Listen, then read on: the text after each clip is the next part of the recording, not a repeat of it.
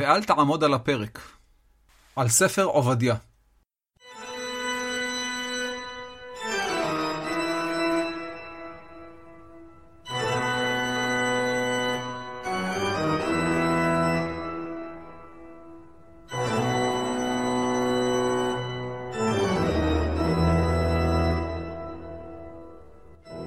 דברי הימים, הסכת על המקרא והמזרח הקדום.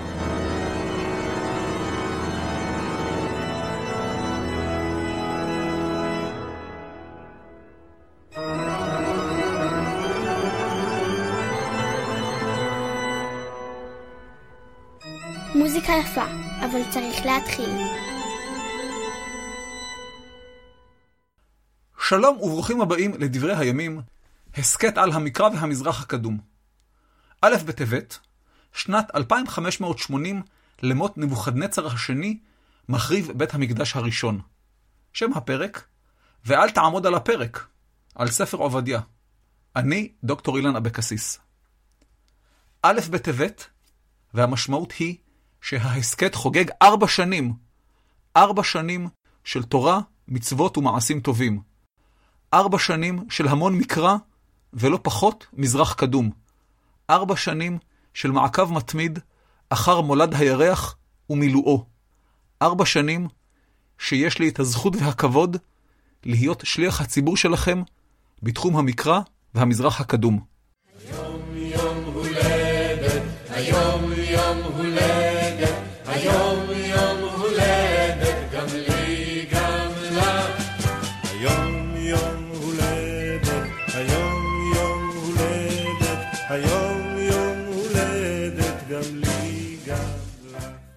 אז תודה רבה רבה מעומק הלב לכל מאזינה ומאזין, לכל מי שסימן לייק, לכל מי שהוריד או לחץ נגן, לכל מי שהמליץ, הגיב, כתב, החמיא, התעצבן, חיזק, נזף, עודד, תיקן או סתם חלק הגיג. אתם הוא המנוע של התוכנית. אתם הלב הפועם של ההסכת. בלעדיכם זה לא היה קורה. בלעדיכם אין טעם לפודקאסט. שימוש נדיר במילה הלועזית, אבל רק משיקולי תקבולת, כן? אל תתרגלו. לפני הכל, אני שמח לבשר על לידת הסכת חדש מבית דברי הימים. האדון עלה, על ישו והנצרות הקדומה. פרטים בסוף הפרק, ויש למה לחכות.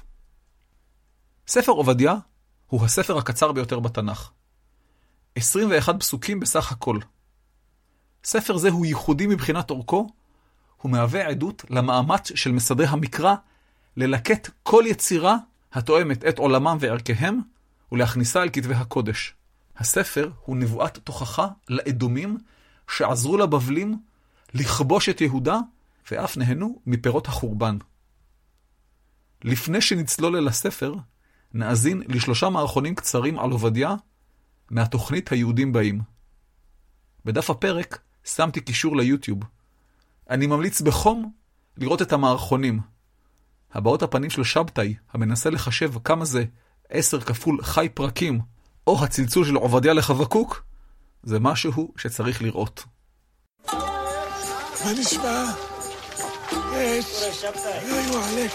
מה קורה, עובדיה? שבתאי! זהו, אני סוגר, שבתאי. אה, גמרנו. סוף סוף יוצא לאור הספר שעבדתי עליו ב-16 שנים האחרונות. מה, התנ"ף הזה? תנ"ך, כן. אמנם בסוף החליטו שזה לא יהיה ספר שלי לבד, אבל אתה יודע, מה אכפת לי? יאללה, בכיף, שידחפו עוד כמה נביאים. אז מה, אתה סוגר סופית? כן. איזה באסה. אבל איך אני אדע מחר אם יכאב לי אצל הרופא שיניים? אתה שבתאי, אבל רק בגלל שאני אוהב אותך. בוא תתקרב. מתי הרופא שיניים? מחר. יכאב מאוד. איזה באסה. תודה, עובדיה. יש בשבת משחק של אה, מכבי הרודיון נגד ביתר ביתר. לא, אתה לא קולט שום דבר ממה שאני אומר לך, שבתאי. אה, אתה לא מבין.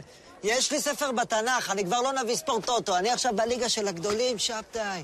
עוד מעט לא יהיה אחד בעולם שלא יכיר את נבואת הצמיג הבוער. מאיפה צצים לך כל הרעיונות? שבתאי, שאני מתחיל לכתוב, רק אלוה יכול לעצור אותי. אתה מבין? היצירתיות ככה גועשת, גועשת, מתפרצת מתוכי. אתה יודע כמה כתבתי? בשביל שהכל ייכנס בספר אחד, הייתי צריך לצמצם את זה לעשר פעמים חי פרקים.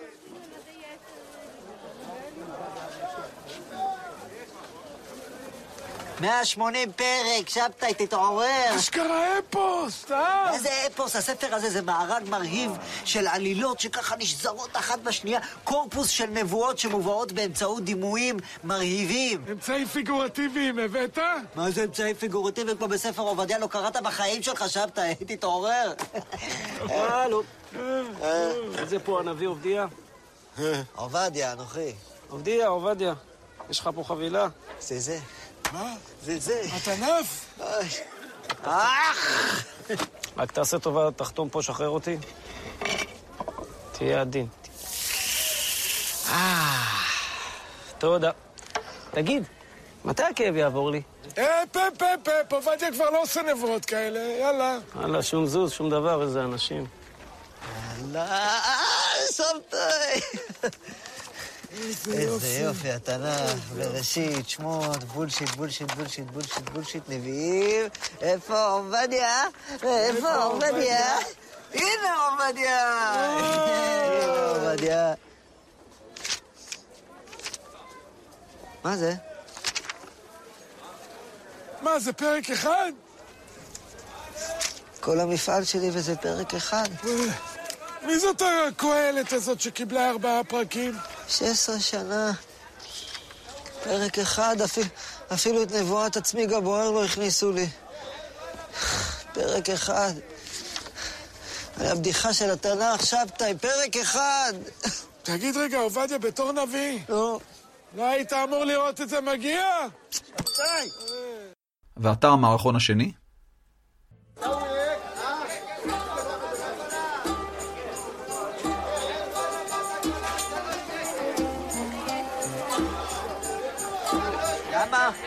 למה? כי קיבלתי ספר בתנ"ך, אבל זה ספר של פרק אחד וזאת פדיחה ענקית, אז אני מבואס.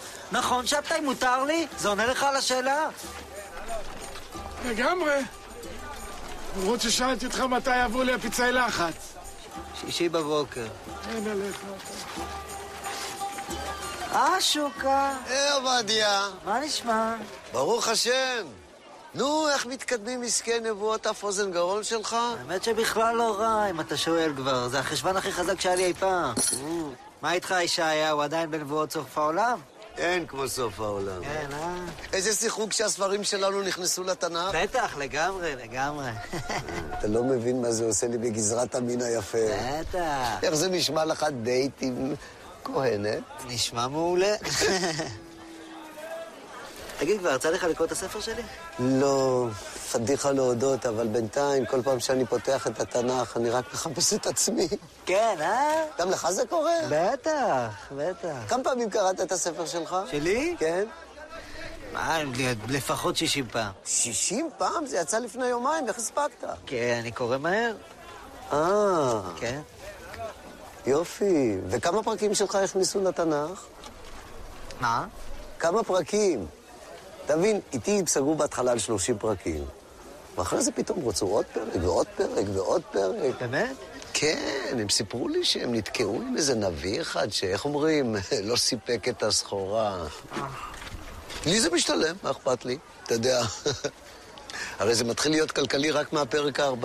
כן, אני יודע, זאת הבעיה שהייתה לי. אתה מבין, אני לא הגעתי ל-40 פרקים, כי הם... מה זה הורידו לי שם מלא דברים? הם הורידו לי את נבואת המשבר הכלכלי, הורידו לי את נבואת השמנת היתר של שבט דן, אפילו את המשל של הזרת ברגל, הורידו לי. תזכיר לי? המשל של הזרת ברגל זה גדול, אתה לא זוכר? זה שכאילו החוטאים הם הזרת ברגל ואלוהים זה השולחן, וכל פעם שהוא נכנס בהם, אז כאילו כל הגוף, שזה עם ישראל, סובל.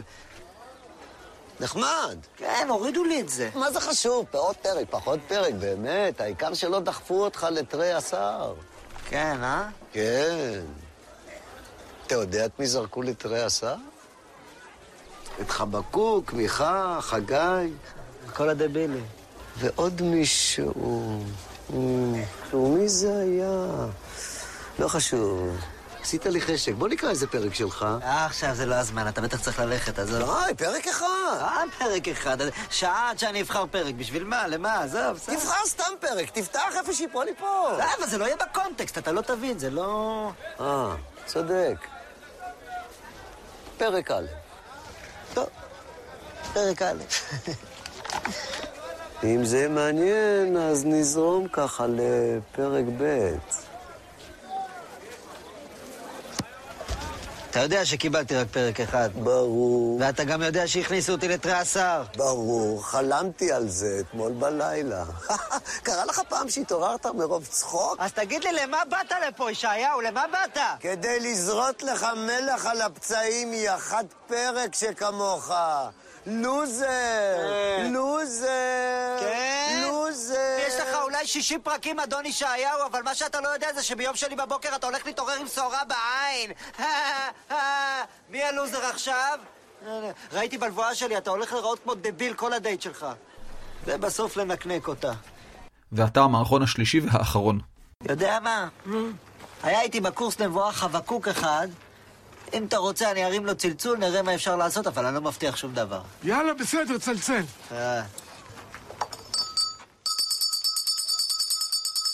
חבקוק! כן, זה עובדיה. עובדיה. שומע? אה. יש פה לקוח אחד שזה... רוצה נבואת ספורט. אה, מצטער עובדיה, יוצא לי היום ספר בתנ"ך, אז אני סוגר את העסק. אני לא מאמין, גם אותו הכניסו לתנ"ך? איך יכול להיות? הבן אדם היה הדביל של הקורס. כן, גם אותי זה הפתיע. היי, חבקוק.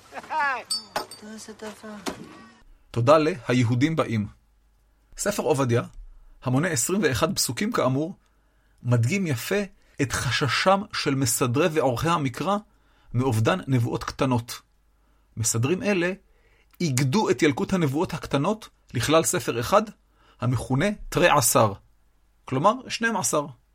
בספר זה לוקטו נבואותיהם של 11 נביאים, ועוד סיפור על נביא, ספר יונה. בתלמוד הסבירו יפה את הנימוק לכינוס הספרים הקטנים יחד. ציטוט, בתרגום לעברית, כיוון שקטן, יאבד. סוף ציטוט. ספר עובדיה מופיע אחרי ספר עמוס וספר יואל, לפי עקרון הסידור האסוציאטיבי. כלומר, הסמכת קטעים זה לזה בשל נושא משותף. הספר מכיל נבואה על אדום, ונרחיב על העניין להלן.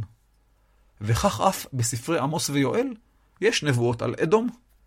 כך למשל בעמוס, המכיל שתי נבואות על אדום. ציטוט: כה אמר אדוני, על שלושה פשעי אדום ועל ארבעה לא אשיבנו. ואני מדלג לסוף הספר, בביטוי המזכיר את הנאמר בעובדיה, למען ירשו את שארית אדום. סוף ציטוט. פירוש השם עובדיה הוא עובד אדוני, כלומר עבד אדוני. מזכיר את השם עבדיאל בספר ירמיה. בתרגום השבעים השם הוא, השם הוא אבדיאס. רמז אפשרי שהשם נהגה במקור כעבדיה. כך או אחרת, אין הבדל משמעות. בערבית תורגם השם לעבדאללה, עבד אללה. כותרת הספר כוללת שתי מילים, חזון עובדיה. זהו. כותרת הספר עומדת בניגוד חריף לכותרות של ספרי נבואה אחרים. כך למשל, מיכה. ציטוט, דבר אדוני, אשר היה אל מיכה המורשתי, בימי יותם, אחז יחזקיהו, מלכי יהודה, אשר חזה על שומרון וירושלים. סוף ציטוט. מי הנביא? היכן הוא גר? מתי הוא ניבא? ועל מי הוא ניבא? או צפניה. ציטוט, דבר אדוני, אשר היה אל צפניה בן כושי, בן גדליה, בן אמריה, בן חזקיה, בימי יאשיהו בן עמון, מלך יהודה. סוף ציטוט. מי הנביא? מי אביו, מי סבו, מי סבא רבא שלו, מי אבי סבא רבא שלו, ומתי הוא ניבא. יש עוד דוגמאות, אבל העניין ברור. יש גם כותרות קצרות, אבל כזו קצרה, אין. כאשר הכותרת כה קצרה, אז הפיתוי להשלים את המקום ובעיקר את הזמן. במקרא נזכר עובדיהו אשר על הבית בימי אחאב. ציטוט: ויקח עובדיהו מאה נביאים, ויחביאם חמישים איש במערה. סוף ציטוט. בתלמוד היה מי שחיבר בין שניהם. ציטוט: אמר רבי יצחק, מפני מה זכה עובדיהו בנביאות? מפני שהחביא מאה נביאים במערה. סוף ציטוט. כלומר, לפי גישה זו, פעל עובדיה סביב שנת 850 לפני הספירה. בסדר עולם רבה, שהוא חיבור חז"לי הדן בכרונולוגיה המקראית, התבססו על הפסוק הראשון, ציטוט: חזון עובדיה, כה אמר אדוני אלוהים לאדום, שמועה שמענו מאת אדוני, וציר בגויים שולח. קומו ונקום עליה למלחמה. סוף ציטוט. אל הפסוק הזה הוסיפו ידיעה על היעדר מלך באדום, וכן את הידיעה הבאה על אמציה מלך יהודה. ציטוט, הוא, אמציה, היכה את אדום בגיא מלח עשרת אלפים, ותפס את הסלע במלחמה. סוף ציטוט. בסדר עולם רבה נכתב, ציטוט, חזון עובדיה, ציטוט מהמקרא, מתי הייתה מלחמה זו? בימי אמציה? ומלך אין באדום, ציטוט ממלכים א', פרק כ"ב, משנפלו אדומים בימי אמציה, לא העמידו מלך במקומן ולא זקפו ראש עד היום. סוף ציטוט. כלומר, לפי גישה זו, פעל עובדיה סביב שנת 780 לפני הספירה. רב סעדיה גאון ניסה לקשור אל עובדיה את המלחמה של יהושפט מלך יהודה, סבא של סבא של אמציה, בימי אחאב, הנזכרת בספר דברי הימים. לשיטתו הביטוי מספר עובדיה וציר בגויים שולח, מתייחס אל יחזיאל הנזכר בפרק בספר דברי הימים כמי שהייתה עליו רוח אדוני בתוך הקהל. נראה כי פרשן ימי הביניים המפורסם, אברהם אבן עזרא, הוא הקרוב ביותר לדעה המקובלת במחקר. ציטוט: לא ידענו דורו, ולא נוכל לומר כי הוא הנזכר בספר מלכים בימי אחאב, דילגתי קצת. אלו הפסוקים יורו כי זאת הנבואה על אדום, הוא אחר גלות ירושלים אל בבל. סוף ציטוט. מספר עובדיה עולה תיאור ברור של השתתפות האדומים בחורבן ירושלים. הקרבה בין תיאור זה לתיאורים אחרים במקרא, אותם נזכיר כשנדון בהם, מעידה כי ספר עובדיה נכתב לאחר חורבן בית ראשון על ידי הבבלים בשנת 586 לפני הספירה, וכתגובה להשתתפות האדומית הפעילה במעשה ההרס והחורבן. להבנת הרקע ההיסטורי של חורבן בית ראשון, אני ממליץ להאזין לפרק הכפול שמו את ירושלים לעיים על חורבן בית ראשון. בדף הפרק שמתי קישור. נחזור בקצרה על האירועים. לאחר נפילת האימפריה האשורית, ששלטה במרחב מעל מאה שנה, התחולל מאבק בין המצרים לבבלים על ירושת האימפריה האשורית. המנצחת במאבק זה הייתה בבל. שליטי יהודה, שהימרו על משענת הקנה הרצוץ, הידועה בשם מצרים, מרדו בבבל. המרידה הראשונה היא של יהויקים מלך יהודה. במהלך המצור הבבלי על ירושלים, בתזמון נוח לכולם, מלבד לו עצמו, מת יהויקים. בנו ויורשו יהויכין נכנע לבבלים ויצא לגלות עם חלק מאנשי יהודה. מה שמכונה גלות יהויכין.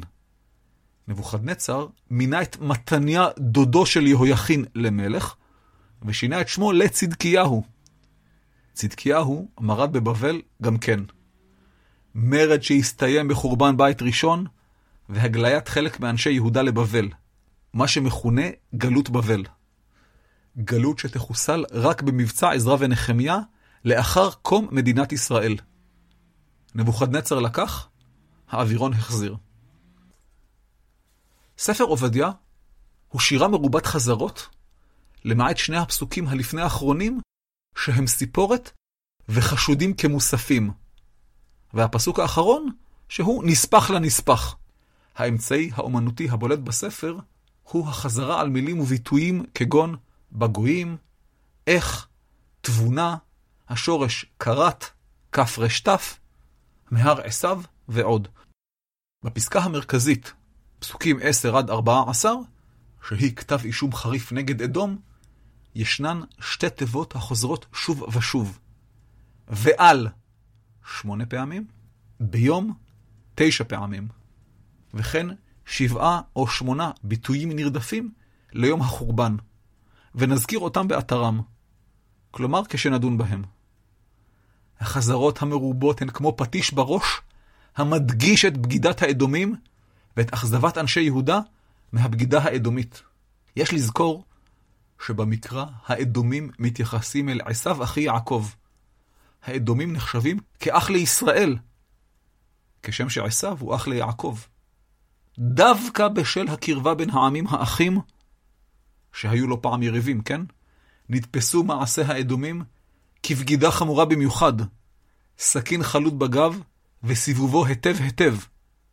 על אדום כסמל הרשע, נדון בהמשך. לשון הספר היא העברית המקראית המאוחרת, ויש בו השפעה ארמית מסוימת. כלומר, לאחר שהארמית הפכה לשפה הבינלאומית באימפריה האשורית ואילך. למשל המילה מקטל, שהיא השורש הארמי, קטל במשמעות הרג. בשל אורכו הקצר, הספר משמש ברוב קהילות ישראל כהפטרה לפרשת וישלח, בראשית ל"ב 4 עד ל"ה 29, בה מסופר על פגישתם המחודשת של יעקב ועשיו.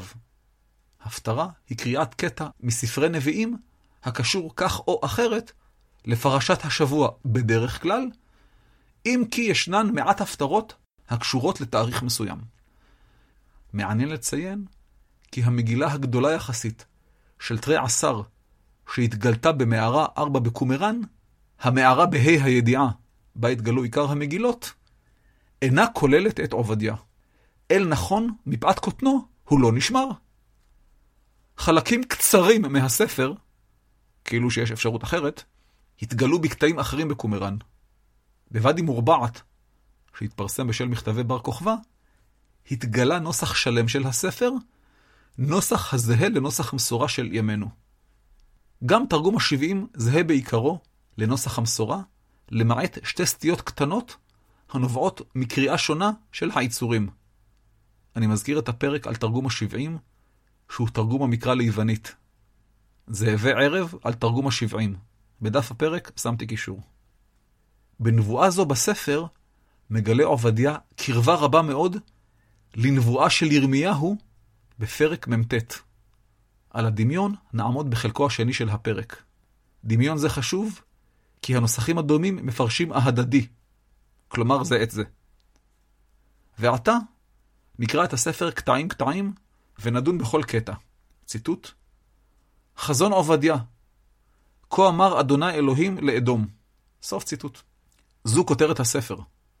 המונח חזון, הגזור מהשורש חזה, שמקביל לשורש רעה, הוא מונח המתאר את דברי אדוני אל הנביא. רוב התיאורים המקראיים מתארים התגלות נבואית בשמיעה, ורק מיעוטם מזכירים מראות כלשהם. אך המונח חוזה ומקבילו רואה מעידים שהתגלות בראייה הייתה נפוצה דייה על מנת שחוזה יהיה מונח נרדף לנביא. הנבואה מיועדת לאדום, כלומר לאדומים, עם שישב בעבר הירדן המזרחי, בין ים המלח ועד מפרץ אילת. כל מי שנוסע לאילת או ממנה בכביש הערבה, ומביט מזרחה, ימינה לנוסעים מאילת, שמאלה לנוסעים אל אילת, מלבד הנהג שמביט רק על הכביש והתנועה בו, כן? רואה את ארץ אדום. דעה נפוצה היא כי הנבואה במקרא מיועדת לעם ישראל. לא תופתעו לדעת כי הנבואה היא תופעה נפוצה במזרח הקדום ומחוצה לו. בעתיד יהיה פרק על הנושא. הפרק כבר כתוב. זאת ועוד, נביאי ישראל ניבאו גם אל העמים השכנים, מה שמכונה במחקר הנבואות אל הגויים. כך למשל, שבע הנבואות הראשונות בספר עמוס הן נבואות אל הגויים, ובפרק עתידי נרחיב בנושא. והנה תיאור השפלת אדום, ציטוט: שמועה שמענו מאת אדוני, וציר בגויים שולח. קומו ונקום עליה למלחמה. הנה קטון נתתיך בגויים, בזוי אתה מאוד. זדון לבך השיעך. שוכני בחגבי סלע, מרום שבטו. אומר בליבו, מי יורידני ארץ? אם תגביה כנשר ואם בין כוכבים שים קיניך, משם הורידך, נאום אדוני. סוף ציטוט. פתיחת הקטע היא בלשון רבים, אך בתרגום השבעים ובמקבילה בירמיה, הפתיחה היא בלשון יחיד, דבר המתאים להקשר. הנביא שמע שמועה, ומהי השמועה? שציר, במובן שליח, לא רוטב או ציר לדלת, נשלח אל העמים השונים, אל הגויים. יש להדגיש, כי המילה גוי במקרא היא תמיד במשמעות של עם. עם ישראל עצמו נקרא גוי קדוש. רק יותר מאוחר, המילה גוי תתאר כל מי שאיננו בן ברית.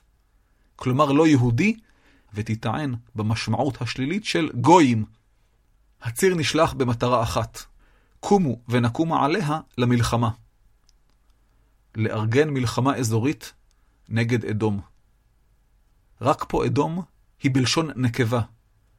בכל שאר הספר, בלשון זכר או לשון רבים. סיבת הדבר אינה ידועה, אולי הכוונה היא לארץ אדום, וארץ היא בנקבה. אדוני ישפיל את אדום, ויעשה אותם קטנים, בין בכוח, בין במספר, בין בחשיבות, ובין אם כל התשובות נכונות. ההשפלה תעשה את אדום בזוי מאוד. לא נעים. וכאן בא תיאור יפה של זדון לבבו וגבהות ליבו של אדום. אדום סבור שבשל משכנו הגבוה בחגבי סלע, איש לא ינצחו. אפשר שהביטוי חגבי סלע מכוון לעיר ידועה באדום הקרויה סלע. ציטוט: הוא, אמצי המלך יהודה, היכה את אדום בגיא מלח עשרת אלפים, ותפס את הסלע במלחמה, ויקרא את שמה יוקתאל עד היום הזה. סוף ציטוט. העיר שוכנת 45 קילומטרים בקירוב מדרום לים המלח. אבל הנה הפתעה. גם אם אדום יגביה כנשר, וגם אם הוא יערוך מסע בין כוכבים, אלוהים יגיע אליו ויורידו ארצה. המסר הוא ברור, אין להימלט מהאל. ונמשיך עם העונש לאדום, ציטוט: אם גנבים באו לך, אם שודדי לילה, איך נדמית? במובן של איך נחרטת. הלא יגנבו דיים. אם בוצרים באו לך, הלא ישירו עוללות. איך נחפשו עשיו, נבעו מצפוניו. עד הגבול שלחוך, כל אנשי בריתך השיעוך, יכלו לך. אנשי שלומך, לחמך ישימו מזור תחתיך. אין תבונה בו.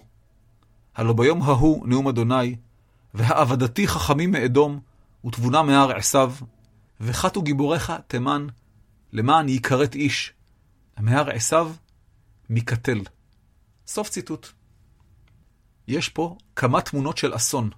התמונה הראשונה היא של גנבים ושודדים הלוקחים ככל יכולת נסיעתם ומשאירים מעט רכוש. התמונה השנייה היא בוצרים בכרם, משאירים עוללות, כלומר ענבים שטרם הבשילו. המילה בוצרים היא משחק מילים על עיר מרכזית באדום הקרויה בוצרה והנזכרת במקרא.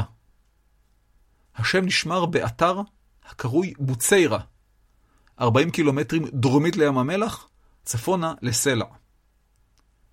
חוסר האונים של אדום מובלט בביטוי איך נחפשו עשיו, נבעו מצפוניו. חיפשו באדום וגילו את מטמוניו, מצפוניו הכוונה. זאת ועוד, בעלי הברית של אדום יפנו לו עורף ויבגדו בו, בדיוק כשם שבעלי הברית של יהודה בגדו בה ברגע האמת. אם כי זהות בעלי הברית הללו אינה ידועה. יש הרואים בביטוי עד הגבול רמז או משחק מילים על אחד מאויבי ישראל ששכן מדרום לים המלח, הנזכר במזמור תהילים שנהוג לקראו בטקסי יום הזיכרון לחללי צה"ל. ציטוט: אוהלי אדום וישמעאלים, מואב והגרים, כלומר שבטים ערבים המתייחסים להגר, גבל, זה הגבול, ועמון ועמלק. סוף ציטוט. בעלי הברית ישיעו, כלומר יפתו את אדום, יציגו עצמם כאנשי שלומם, אוכלי הלחם, כלומר אנשים הקשורים בברית. הם, דווקא הם, ישימו מזור, כלומר מקלות, בהקשר הזה, ברגלי אדום, למען ייפול וייכשל. הסיבה בעטיה אדום מתנהג בצורה טיפשית היא שאלוהים הרחיק את החוכמה מאדום. גיבורי תימן יפחדו. תימן נזכרת במקרא כעיר או אזור באדום. העיר מזוהה עם חורבת טווילן, לא רחוק מפטרה. ציטוט: ושילחתי אש בתימן, ואכלה ארמונות בוצרה. סוף ציטוט. התגלויות האל במקרא נכרחו בתימן. בפרק הכפול על חורבת תימן הרחבנו בנושא. בדף הפרק שמתי קישור. פחד הגיבורים יוביל להחרטת איש מהר עשיו. התיבה מקטל מעוררת בעיה. הפירוש הוא כדי להרוג. לו זו הבעיה. הבעיה היא שהתיבה לא משתלבת במקצב השירי של פסוק תשע. היו כאלה שהזיזו אותה, במרכאות, לפסוק עשר. אבל גם שם היא לא משתלבת במקצב. וקשה הדבר. עד כאן תיאר עובדיה את החורבן לאדום. בקטע הבא מפורטים המעשים בעטיים יענש אדום בחומרה כה רבה. ציטוט: מחמס אחיך יעקב, תחסך בושה, ונכרעת לעולם. סוף ציטוט. זוהי האשמה כללית. אדום יבוש וייחלם בשל החמאס שנגרם ליעקב, הוא עם ישראל, אחיו. העונש הוא החרטת אדום. ועתה מתחילה הפריטה לפרוטות. שימו לב לשימוש המרובה בתיבות על וביום בקטע זה. ציטוט: ביום עומדך מנגד, ביום שבות זרים חילו, כלומר רכושו, ונוכרים באו שעריו, ועל ירושלים ידו גורל, גם אתה אחד מהם. ואל תרא ויום אחיך ביום נוכרו, ואל תשמח לבני יהודה ביום עובדם, ואל תגדל פיך ביום צרה, אל תבוא ושער עמי ביום אדם, יום צרתם, אל תרא גם אתה ברעתו ביום עדו, ואל תשלחנה וחילו, כלומר רכושו, ביום עדו, ואל תעמוד על הפרק להכרית את פליטיו, ואל תסגר שרידיו ביום צרה. סוף ציטוט. אדום מואשם בעמידה מנגד, ואי הגשת עזרה ביום עומדך מנגד. דווקא בעת שאנשי ירושלים נלחמו על חייהם, כאשר האויב בזז את הרכוש, כשהנוכרים נכנסו בשער העיר, סמל לכיבושה, וחילקו את השלל בהגרלה. ידו גורל. האדומים שותפים לחורבן. גם אתה כאחד מהם. זאת ועוד, השמחה לעד של האדומים מבוטאת באופן משולש, ואל תרא, ואל תשמח, ואל תגדל. גם ההשתתפות האדומית הפעילה בחורבן תוארה בביטוי משולש. אל תבוא, אל תרא, ואל תשלחנה. כל זה נעשה ביום עדו, כלומר צרתו של ישראל. אין כמו שמחה לצרה. אין כמו שמחה לעד. ולבסוף, לאחר החורבן, המשיכו האדומים להתנכל לפליטי החרב. הפעם בביטוי כפול, ואל תעמוד ואל תסגר. הביטוי לעמוד על הפרק לקוח מכאן. כיום הביטוי הוא במשמעות של נושא לדיון. כאן משמעותו לא לעמוד בצומת. פרק הוא צומת. היו שהתפלפלו והסבירו שצומת הוא מקום בו הדרך מתפרקת לכמה חלקים. אבל אפשר פשוט להיזכר שבערבית צומת זה מפרק. כלומר, האדומים התנכלו לפליטים והסגירו אותם לבבלים ולסוחרי העבדים. זה מזכיר את נבואות עמוס. ציטוט: כה אמר אדוני, על שלושה פשעי עזה ועל ארבעה לא אשיבנו. על הגלותם גלות שלמה, להסגיר לאדום. דילגתי קצת. כה אמר אדוני, על שלושה פשעי צור ועל ארבעה לא אשיבנו. על הסגירם גלות שלמה לאדום. סוף ציטוט. ראוי לציין, כי בניגוד לדברי עובדיה, הרי אצל ירמיהו נזכרו אנשי יהודה שמצאו מקלט דווקא שם, ככתוב, במואב ובבני עמון ובאדום. בגידת האדומים ביהודה נזכרת גם ביחזקאל, באיכה ובתהילים, ציטוט: זכור אדוני לבני אדום את יום ירושלים, האומרים, ערו ערו, עד היסוד בה. סוף ציטוט. בגידה זו תהפוך את אדום לסמל הרוע בעולם. אדום הפכה ברבות השנים לכינוי נרדף לאימפריה הרומית, זו שהחריבה את הבית השני, כן? ולאחר מכן לכנסייה הקתולית. עוד גורם לא נחמד אל היהודים במהלך ההיסטוריה. הקטע הבא עוסק ביום אדוני ובנקמת אדוני בגויים.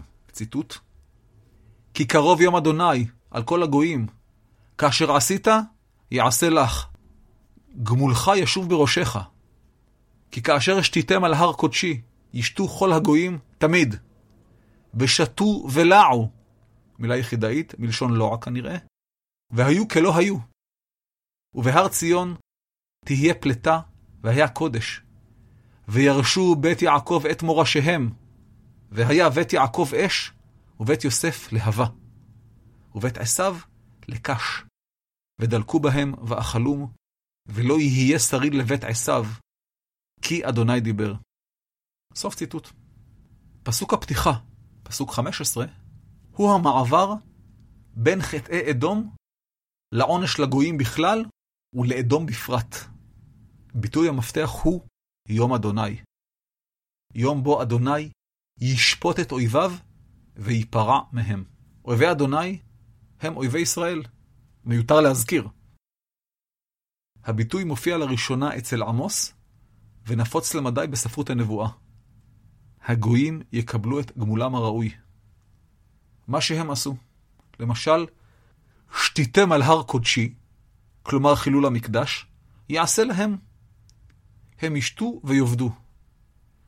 שרידי ישראל יהיו בהר ציון, והם יחזרו וירשו את נחלתם, שנשדדה על ידי האויבים. הנקמה תבוצע על ידי שני חלקי העם. יהודה, המכונה בית יעקב, וישראל, המכונה בית יוסף, כמו הכשרות מבית הרב עובדיה יוסף. ישראל ויהודה יבערו כאש, ואדום יבערו כמו קש. עד שלא יוותר שריד. זהו דבר האל. הקטע האחרון הוא נספח הכתוב כסיפורת ולא כשירה כמו שאר הספר. בנספח זה מפורטת ירושת בני יעקב, והוא אינו חלק מהנבואה. ציטוט: וירשו הנגב את הר עשיו, והשפלה את הפלישתים, וירשו את שדה אפרים, ואת שדה שומרון, ובנימין את הגלעד. וגלות החל הזה לבני ישראל, אשר כנענים, עד צרפת, וגלות ירושלים, אשר בספרד, ירשו את ערי הנגב. ועלו מושיעים בהר ציון, לשפוט את הר עשיו, והייתה לאדוני המלוכה. סוף ציטוט. מהר יהודה התפשטו אנשי יהודה לנגב, הרי אדום ושפלת פלשת. אנשי ישראל ירשו את אפרים ושומרון, ובני בנימין ירשו את הגלעד. שימו לב שרוב השטח אינו חורג מגבולות הארץ המובטחת, למעט הר עשיו, הם הרי אדום, שלאחר השמדת אדום, יתפנו לטובת ישראל. אנו יודעים שלקראת סוף ימי ממלכת יהודה, החלו האדומים, בלחץ שבטים ערביים, שלימים יכונו הנבטים, לנדוד מנחלתם המקורית, מערבה וצפונה, כלומר לכיוון ארץ יהודה. בימי בית שני, האזור שמבית צור, בין בית לחם לחברון ודרומה, כונה אדומיה. כלומר, דרום ממלכת יהודה, כולל חברון ומרשה, הפך לשטח אדומי. פסוק 20 הוא חידתי משהו, הוא מתאר את גבולות ההתפשטות הישראלית מנקודת מבטם של גולי ישראל, ככתוב, וגלות החל הזה לבני ישראל אשר כנענים עד צרפת, וגלות ירושלים אשר בספרד ירשו את ערי הנגב. כולנו מכירים את צרפת וספרד של ימינו. אכן הכוונה אליהן. צרפת המקראית היא העיר סרפנד בדרום לבנון של ימינו, הנזכרת בסיפורי אליהו. ציטוט: ויהי דבר אדוני אליו לאמור, קום לך צרפתה אשר לצידון. סוף ציטוט. העיר שייכת עקרונית לשבט אשר ששכן בגליל המערבי, אך מעולם לא נכבשה על ידו. אז הגיע הזמן. בשלב מסוים נדד השם מדרום לבנון עד מערב אירופה. וכך כתב אבן עזרא בפירושו על אתר, ציטוט, שמענו מי גדולים, כי ארץ אלמניה, גרמניה הכוונה, הם הכנענים שברחו מפני בני ישראל, בבואם אל הארץ, גם ככה, כלומר באופן זה, צרפת היא פרנסיה. סוף ציטוט. בניגוד לצרפת, הרי ספרד נזכרת רק פה. אין הכוונה למדינה שמלכיה האנטישמים גירשו את יהודיה ב-1492, אלא זו הצורה הארמית של העיר סרדיס, המצויה במערב טורקיה של ימינו. לא רחוק מאזמיר. הזיהוי בין סרדיס לספרד מופיע בכתובת קבר בסרדיס, ציטוט, בחמש למר חשוון, שנת עשר, ארתח סש, מלכה בספרד בירתה. סוף ציטוט. בתרגום יונתן, ישנו הזיהוי הקדום ביותר בין ספרד לחצי האי האיברי. ציטוט, ספרד, אספמיה. סוף ציטוט. פסוק 21 הוא נספח לנספח ונקשר לעסק בזכות אזכור הר ציון, הנזכר גם בפסוק 17. זוהי חתימה חגיגית לנבואה. עד כאן הספר. אולם הדיון לא יהיה שלם אם לא נזכיר שני כתובים הקרובים מאוד אל ספר עובדיה מבחינה תוכנית ורעיונית. הראשון הוא קטע מירמיהו. לא נביא את כל המקבילות, אלא רק שתיים. בדף הפרק יש פירוט מלא של כל המקבילות. בעובדיה נכתב, שמועה שמענו מאת אדוני, וציר בגויים שולח, קומו ונקומה עליה למלחמה. בירמיה מ"ט נכתב, שמועה שמעתי מאת אדוני, וציר בגויים שלוח, התקבצו ובואו עליה, וקומו למלחמה. בעובדיה נכתב, הנה כתונת עתיך בגויים, בזוי אתה מאוד. בירמיה נכתב, כי הנה כתונת עתיך בגויים, בזוי באדם. זה ממשיך, אך הפירוט הנוסף בדף הפרק כאמור. מאליה עולה השאלה, מי המקור ומי החיקוי? הפרשן הידוע אברבנאל כתב, ציטוט, שעובדיה ניבא על חורבן אדום, ובא אחר כך ירמיה, וראה חורבנו גם כן, וכאשר סיפר אותו, נשתמש בדבריו מדברי עובדיה, שראה שכבר ניבא עליו. אבל הוסיף ירמיהו, באו ויעודים בו. סוף ציטוט. כלומר, לפי אברבנאל, עובדיה הוא המקור, וירמיה הוא החיקוי. אולם קשה להכריע בעניין. בכל נבואה יש קווי ייחוד אופייניים לה, ולא ניתן להכריע מי קדם למי. נראית לי דעתו של החוקר הדגול יחזקאל קויפמן, ציטוט, ירמיהו ועובדיה השתמשו בשיר קדום על אדום, שניהם לא הביאו את השיר בשלמותו וכמו שהוא. סוף ציטוט. הנביא הדומה השני הוא יואל, שבספרו יש כמה ביטויים הדומים עד דומים מאוד לספר עובדיה. כל הביטויים קשורים ליום אדוני. הבעיה עם יואל היא שניטש ויכוח עז על זמנו. החל משלהי בית ראשון, ואז הוא לפני עובדיה, וכלה בתקופה הפרסית, ואז הוא מאוחר לעובדיה. גם במקרה זה נראה כי שניהם ינקו ממקור משותף. באופן מוזר משהו, האדומים גוירו בחלקם בימי יוחנן הורקנוס ואלכסנדר ינאי, מלכי בית חשמונאי. הורדוס המלך היה בנו של אנטיפטרוס, אדומי שהתגייר. וקנאים ממוצא אדומי נזכרו כמי שנטלו חלק פעיל במרד הגדול, הפעם נגד הרומאים, כן? זהו. עד כאן, ואל תעמוד על הפרק, על ספר עובדיה. תודה לכם שהאזנתם. תודה לחברי מועצת החכמים, אבי הרטמן, חיים ארמון, אזוב הקיר ואלון גלוסקה, שעזרו לעובדיה לצמצם את ספרו מעשר פעמים חי פרקים לפרק אחד. תודה ליניב ביטון, יוסי מרשק ומוני מושונוב מהיהודים באים. אנא סמנו אהבתי בדף הפייסבוק וברשומות השונות, והמריצו את חבריכם לנהוג כמותכם. הגידו בגת ובשרו בחוצות אשקלון, שתשמחנה בנות נתניה, שתעלוזנה בנות נהריה. הדואל הוא אילן כרוכית ilanabc.co.il גם טופס צור קשר ממתין דומם, ורשימת התפוצה מחכה לכם גם כן. אני מזכיר את ערוץ הטוויטר שלנו. חפשו דברי הימים. ספריי, הסגן של בר כוכבא מספרי 2 בהיסטוריה, ו "ויכהו וימיתהו וימלוך תחתיו" על רציחות פוליטיות במזרח הקדום, זמינים באתר לכל דורש. אני יודע שלא תמיד נעים לחזר על הפתחים ולהציק לעוברים ושבים בסיפורים על ההסכת שלנו. אז עכשיו, מלבד הדרכים הישנות לתמיכה בהסכת, מפה לאוזן, הרצאות וחוגי בית, נפתחו בפניכם שני ערוצי פעולה אישיים וישירים. דרך אחת היא לקנות לי כוס קפה דיגיטלית באתר פי. באתר התוכנית שמתי קישור. וגם בדף הפרק במקום בולט. דרך נוספת היא תמיכה קבועה באתר פטריאון. תמיכה הניתנת להסרה בכל עת כמובן. הרעיון הוא פשוט. כל אחד המעוניין לתמוך בתוכנית באופן קבוע, בוחר את דרגת התמיכה ובהתאם את התמורה המתקבלת. יש ארבע מדרגות תמיכה, ואולי אוסיף חמישית. באתר פטריון ממליצים לא יותר מחמש מדרגות תמיכה. הפרק הבא בדברי הימים יעלה באלף בשבט. נחזור לאל עמרנה.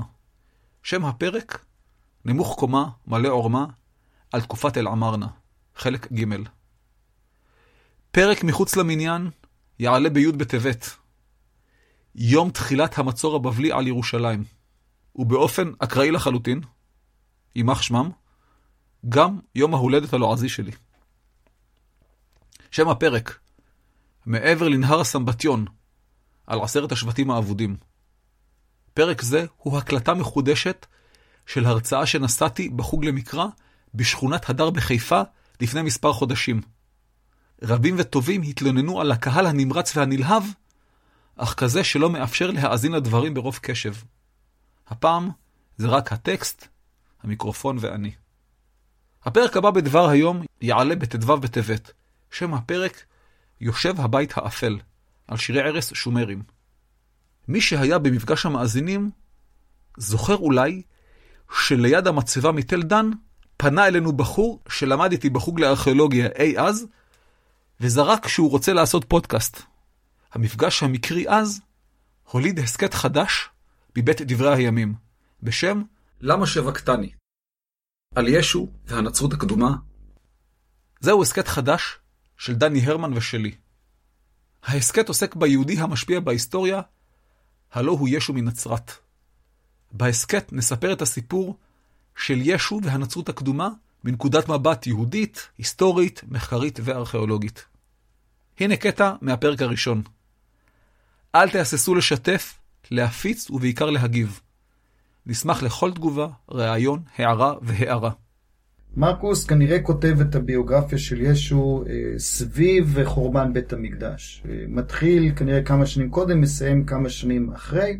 דור דור וחצי אחרי ישו.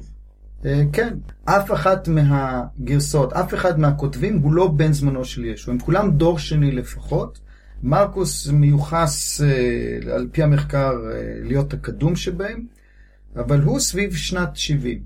הוא אה, רק 16 פרקים, על אה, המבשר על ישו, על יוחנן הוא מקדיש שמונה פסוקים בלבד. הוא אה, מצ... מתאר את הכל יחסית בתמציתיות, אה, המילה ומיד אחר כך, או הביטוי הזה מופיע לא פעם אצלו, הוא רוצה לספר לכם מהר מה קרה. אה, מתי הוא אה, נכתב, אה, נערך 10-20 שנה יותר מאוחר, והוא מאוד מעניין כי הוא באובססיה להראות שכל מה שקורה עם ישו זה הגשמה של נבואות וביטויים מהברית הישנה, מהתנ"ך שלנו. מהלידה שלו בבית לחם, ודרך גדילתו, והטבילה, ו... וביטויים שהוא אומר, ואירועים שהוא חווה. וכמובן מותו ותחייתו, לפי מתי זה הכל הגשמה של מה שהיה אמור לקרות, כי ישעיהו וירמיהו ניבאו על כל זה. אה, והנצרות מאוד אוהבת את הגישה הזאת, אז מתי הוא גם הראשון. הוא, כשאתה קורא את הברית החדשה, הספר הראשון שאתה פותח זה מתי פרק א', אה, למרות שהוא לא הקדום שבהם. כנראה באותו פרק זמן גרסה נוספת נערכת על ידי לוקאס, אה, שאני אה, אוהב אותו במיוחד כי הוא שואף להיות ההיסטוריון שבחבורה. הוא מנסה להציג את הכל גם ברצף כרונולוגי ולוגי. למה הוא נולד בבית לחם? למה האירועים אירעו ברצף הזה? ומאוד מעניין שהמחקר הגיע למסקנה שמתי ולוקאס נסמכו קצת על דברי מרקוס, אבל גם על עוד מקור שהלך לאיבוד. המחקר קורא לו קוול, זה מחקר גרמני. מקור בגרמנית. זה מקור בגרמנית או פשוט האות Q. כן? איפה ה-Q האבוד הזה? זה... הגביע הקדוש. כן, החלום הרטוב של הארכיאולוג וההיסטוריון יהיה למצוא פעם את כתב היד של Q. עכשיו, אם אני מבין נכון, שלושת הכותבים הם יהודים. כמובן, כולם, גם יוחנן, גם ישו, גם השליחים. ארבעת הכותבים בעצם. כן. כולם יהודים, הם, הם גם, ישו כל חייו ועד לרגע האחרון היה בטוח שהוא מגשים את המשיחיות היהודית, את, ה, את הנבואות האלה, הוא זה שמגשים אותן. כן, הוא נולד, חי ומת כיהודי. לחלוטין. הפיצול חל אחר כך. כן, אבל רגע, נדבר על זה, על הפיצול אחר כך. לפני נחזור למקורות. שנדבר על, על מה שנהיה מה... uh, The Jesus Movement, איך הוא הפך לנצרות, uh, יש עוד מקור שהוא המאוחר שבהם. אז מזל טוב לתינוק החדש שנולד, אבל יש לו אח גדול, שנקרא הפודקאסט של התנ"ך, עם דוקטור ליאור הרביד, בשיתוף השחקן שרון אלכסנדר. הפודקאסט של התנ"ך ממשיך כמו קטר שועט. לוקח לו זמן לצבור מהירות, אבל כשהעסק זז, קשה לעצור אותו. ולסיום, מעניין לעניין באותו העניין. אני שמח, גאה ונרגש להמליץ על הסכת חדש. השמחה היא כפולה. קודם כל, כי מדובר בהסכת על המקרא, העונה לשם דברים שלא סיפרה לי הגננת, על פרשת השבוע. בהסכת מארח עקיבא ויטקין אנשים שונים לשיחה על פרשת השבוע, ובאחד הפרקים העתידיים גם אני אמור להתראיין שם. הסיבה השנייה היא כי מדובר בעקיבא ויטקין. מאזין מסור וותיק שהיה הראשון שהגיב לדברי הימים אי אז בפרק 6. בפרק 7 הוא היה המאזין הראשון שהוזכר בשידור. כבוד. בואו נשמע את הקטע בו הזכרתי אותו. קטע ארכיון מהפרקים הישנים. לפני שניגש לפרק, אני רוצה להעלות על נס את המאזין המסור עקיבא ויטקין, שזכה להיות הראשון שאשכרה השתמש בתיבת הדול של התוכנית. ועתה נשמע קטע מהתוכנית של רבי עקיבא. להתראות.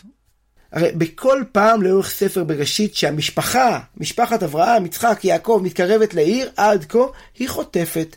וברמז אני אגיד לכם, גם הפעם הוא יחטוף. כשאתה מתקרב לעיר, לתרבות עירונית, אתה לא תצא מזה טוב. זה לא יצא טוב, ועל זה דיברתי והסברתי וחזרתי והסברתי את האמירה של לך לך, התרחק מן התרבות. והנה יעקב עושה כאן משהו שהוא מאוד מוזר, הוא הולך, מתקרב לעיר, וקונה חלקת שדה על פני העיר. כן, מה, מה, מה, מה הוא חושב לעצמו? אתה רואה בעצם את קניית אותה חלקת שדה כ, כטעות uh, קריטית. לא, אני שואל איזה שאלה גדולה, עוד מעט נבין, בואו ננסה להבין למה, אבל זאת שאלה. כאילו, זאת אומרת, זה לא דבר שהוא, עושים אותו כלאחר, אה, הוא מצא מקום ונשאר שם. הוא מתקרב לעיר וקונה שם חלקת שדה.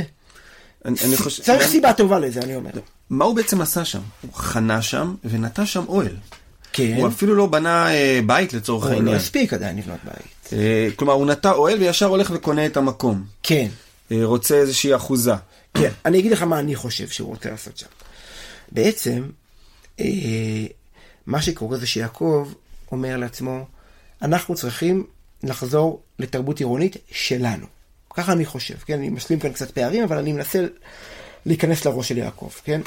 ושלנו שלנו זה אומר, של משפחת יעקב, לא, לא בתרבות של כולם. אבל אה, מסורת עירונית שכבר ארבע דורות לא קיימת במשפחה, כן? החל מטרח שכבר יצא מארם נהריים, אה, היא לא דבר שקל אה, לשחזר אותו, אתה לא יכול להקים ככה, אתה צריך ללמוד את זה, את תכסיסי העיר. והוא אומר, איפה אני אעשה את זה?